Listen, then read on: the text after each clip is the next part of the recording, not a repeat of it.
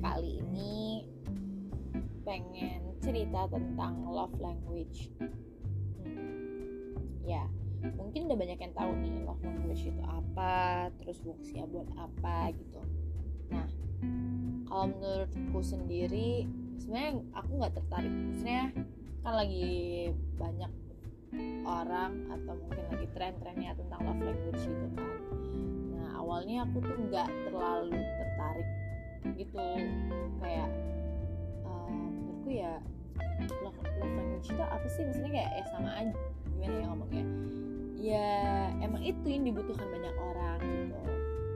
Tapi ternyata tidak seperti itu. Nah kenapa orang-orang itu punya love language-nya sendiri? Ternyata ya memang itu kebutuhan masing-masing pribadi individual gitu. Aku salah mengartikan. Nah jadi aku cuma pengen uh, cerita aja sih. Kenapa orang-orang bisa maksudnya kenapa bisa ada love language gitu? Ya dari apa yang aku apa ya dari apa yang aku tangkap ternyata ya love language itu kayak artinya bahasa cinta gitu kan. Nah uh, emangnya penting ya? Itu pertanyaan kalian pertama aku pikirkan kayak orang-orang ngebahas love language itu emang itu tuh penting apa ya gitu. Ternyata ya emang penting gitu. Dan setelah aku cari-cari-cari tahu bahkan buku buku tentang pembahasan konsep love, love language itu sendiri tuh ada gitu. Nah uh, judulnya kalau nggak salah tuh buku five, The Five Love Language penulisnya itu Dr. Gary Chapman. Nah bahkan di bukunya itu dia ngebedah lebih lanjut tentang prinsip komunikasi dalam satu hubungan atau dinamakan love language. Jadi di buku itu tuh jelasin bahwasannya love language itu sangat penting dalam membangun hubungan baik dengan pasangan teman atau keluarga dalam prinsip komunikasi itu sendiri. Jadi kayak itu tuh emang ada kayak kita komunikasi nih dalam hubungan kita. Nah itu tuh termasuk kayak kode etiknya gitu gitu loh. Nah jadi uh, itu tuh bahasa cinta yang memang diaplikasikan ke berbagai jenis hubungan. Kayak yang aku bilang tadi ada romantis eh bisa pasangan keluarga atau temenan gitu pertemanan gitu. Nah dan ternyata lagi bahwasannya uh, yang membuat kita awet dalam hubungan berbagai macam hubungan tadi ya karena kita mengerti love language dari diri kita sendiri dan pasangan kita. Wah ternyata seperti itu guys. Aku pikir ya ya ya nggak sepenting itu gitu. Ternyata wow penting banget gitu. Dan intinya love language atau bahasa cinta ini yaitu adalah cara bagi seseorang untuk mengekspresikan rasa cintanya kepada orang lain dan hal demikian tuh uh, sebaliknya seperti itu. Jadi membuat kita memahami apa yang kita butuhkan dan pasangan kita butuhkan. Wow ternyata itu itu termasuk salah satu kunci awetnya dalam hubungan. Ya ibaratnya kalau misalkan dibilang apa ya uh, wah sepenting itu gitu ternyata. Dan aku juga pernah kayak mikir buat apa juga aku harus paham gitu tentang love language itu sendiri. Ya ternyata setiap kebutuhan kita dalam menjadi hubungan tuh beda-beda gitu. Kayak yang kayak kita tahu sendiri love language itu kan banyak jenisnya gitu kan. Dan enggak semua hal itu yang ternyata kita butuhkan dalam menjalin hubungan. Wow kayak hmm, ternyata sepenting itu kawan. Oke okay uh, mungkin teman-teman yang dengar dengar podcast ini juga lebih paham gitu ya daripada aku tentang love language sendiri. Nah dari beberapa artikel yang aku baca tentang love language, akhirnya aku simpulkan bahwasannya jika seseorang tidak mendapatkan love language yang sesuai dengannya, maka orang tersebut dap akan dapat merasakan bahwa ia tidak dicintai dan hal itu bisa menjadi permasalahan dalam suatu hubungan. Karenanya, memahami love language diri sendiri dan orang yang dicintai menjadi satu hal penting yang bertujuan untuk memberikan serta menerima kasih sayang sesuai keinginan sehingga hubungan dapat terjalin dengan sehat. Mungkin contohnya kayak kita sama pasangan kita nih uh, kita butuhnya dalam menjalin hubungan tuh seperti ini pasangan kita seperti ini nah udah sama-sama tahu nih. Jadi kita kayak ah oke okay, ngejalaninnya seperti ini. Kayak gitu kali ya. Ah, mungkin deh. Oke okay, mungkin uh, kita bahas kita nggak bahas satu-satu ya. Kita kita kayak bahas satu lah ya. Oke okay, yang pertama ini aku udah ngumpulin dari berbagai informasi ya guys. Nah yang pertama tuh ada words of affirmation. Ya nggak sih? Begitu ngomong gitu ya. Jadi dari kata-kata gitu. Biasanya ini yang dari aku kumpulkan juga. Nah orang-orang yang terhubung dengan bahasa cinta ini menghargai perasaan dihargai dicintai dan pahami oleh pasangannya melalui pengakuan verbal alias menunjukkan kasih sayang melalui kata-kata. Nah, jadi misalkan dalam ketikan pun ya anjay dalam ketikan kayak kayak kayaknya dalam kata-kata sih lebih dari kata-kata yang langsung diucapkan gitu. Tapi juga bisa melalui platform media sosial seperti SMS, chattingan, atau catatan tulisan tangan. Nah, wow. Jadi lewat kata-kata, misalkan kayak mungkin tipe orang yang punya love language words of affirmation adalah yang everyday di, diucapin selamat pagi atau selamat siang semangat kayak gitu gitu kali ya iya gak sih? Words of affirmation. Jadi lebih kayak kata-kata gitu. Sangat sangat membuat dia merasa dicintai dengan kata-kata. Tapi hati-hati juga gak sih kalau misalkan digombalin? Wah bahaya banget. Contoh kalimat oh kalimat apresiasi juga termasuk gitu. Kayak contoh terima kasih banyak sudah banyak membantu. Makasih banyak ya sayangku sudah membahagiakan aku selama ini. Wah. Uh mantap mantap. Tapi lebih hati-hati ya guys buat teman-teman yang love language-nya words of affirmation. Karena siapa tahu kita uh, teman-teman kita yang punya love language ini gampang baper sama gobalan nih ya guys. Hati-hati. Lebih difilter lagi mungkin gitu.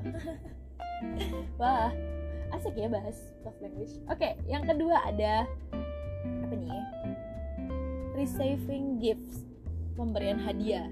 Oh jadi love language satu ini tuh nggak aja ya like love language satu ini tuh nggak melulu soal pemberian kado yang mahal melainkan lebih ke arah makna dari pemberian kado tersebut Nah, buat lo yang punya bahasa cinta ini, lo mungkin merasa bahwa kado sebagai bentuk kasih sayang diberikan olehnya. Misalnya nih, pasangan lo beliin lo baju baru nih. Nah, di sini lo nggak peduli berapa harga baju tersebut, mau murah atau mahal pun. Yang terpenting doi beneran ikhlas dan tulus pas beliin lo. Wah. Oke, jadi receiving gifts ini mungkin apa pun yang berbentuk kado hadiah yang diberikan ya kita masih sangat dicintai. Seperti itu kali ya. Wah lucu banget dikasih dikasih lucu banget gitu ya dikasih orang-orang yang punya ini nih love language receiving gifts. Jadi uh, tidak memandang apa yang uh, apa yang dikasih tapi kayak gimana sih ngomongnya bukan harganya lagi yang dilihat tapi ya emang bagaimana dia memberi diberikan hadiah gitu. Wah boleh boleh boleh boleh.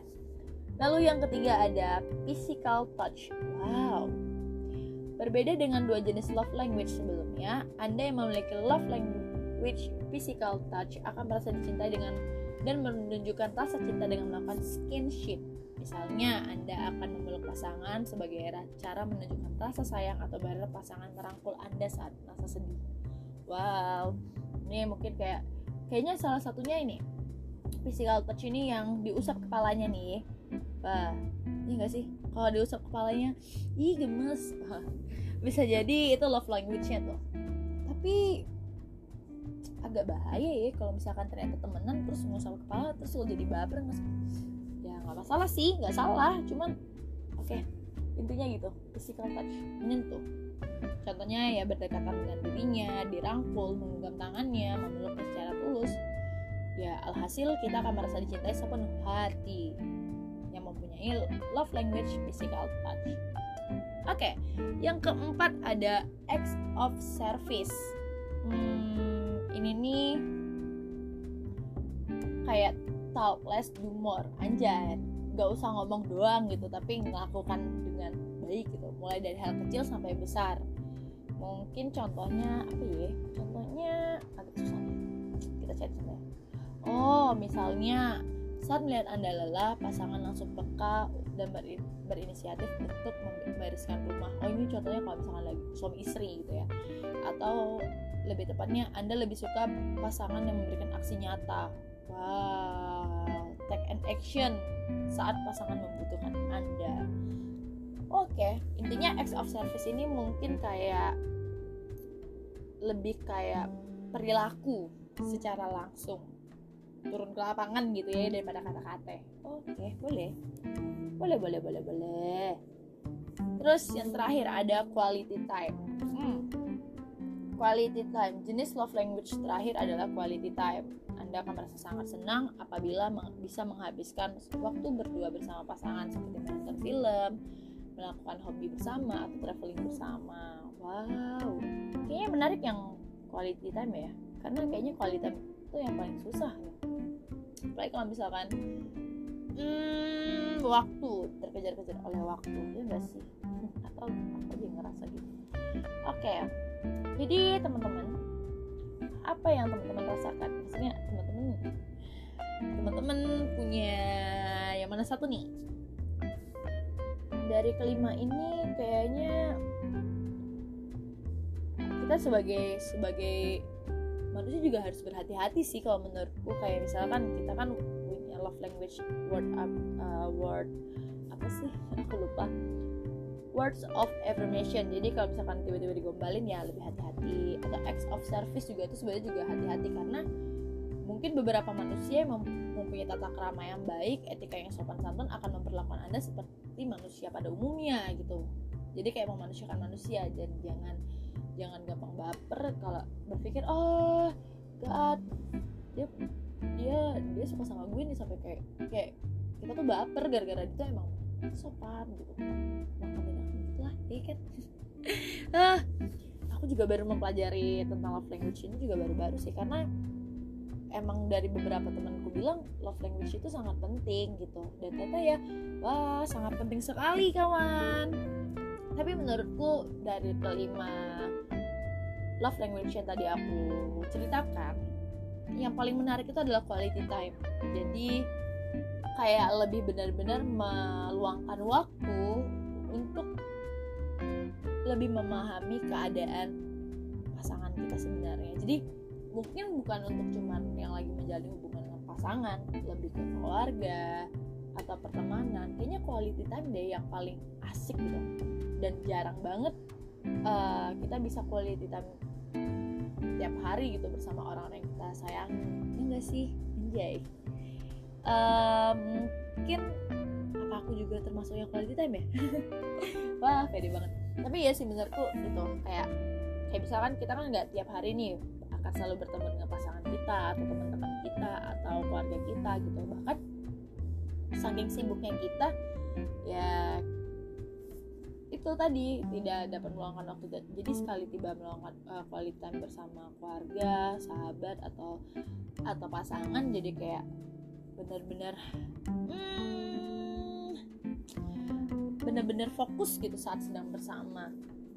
Kayaknya aku itu sih karena aku lebih suka mungkin ya mungkin aku aku juga karena gimana sih ngomongnya anjir.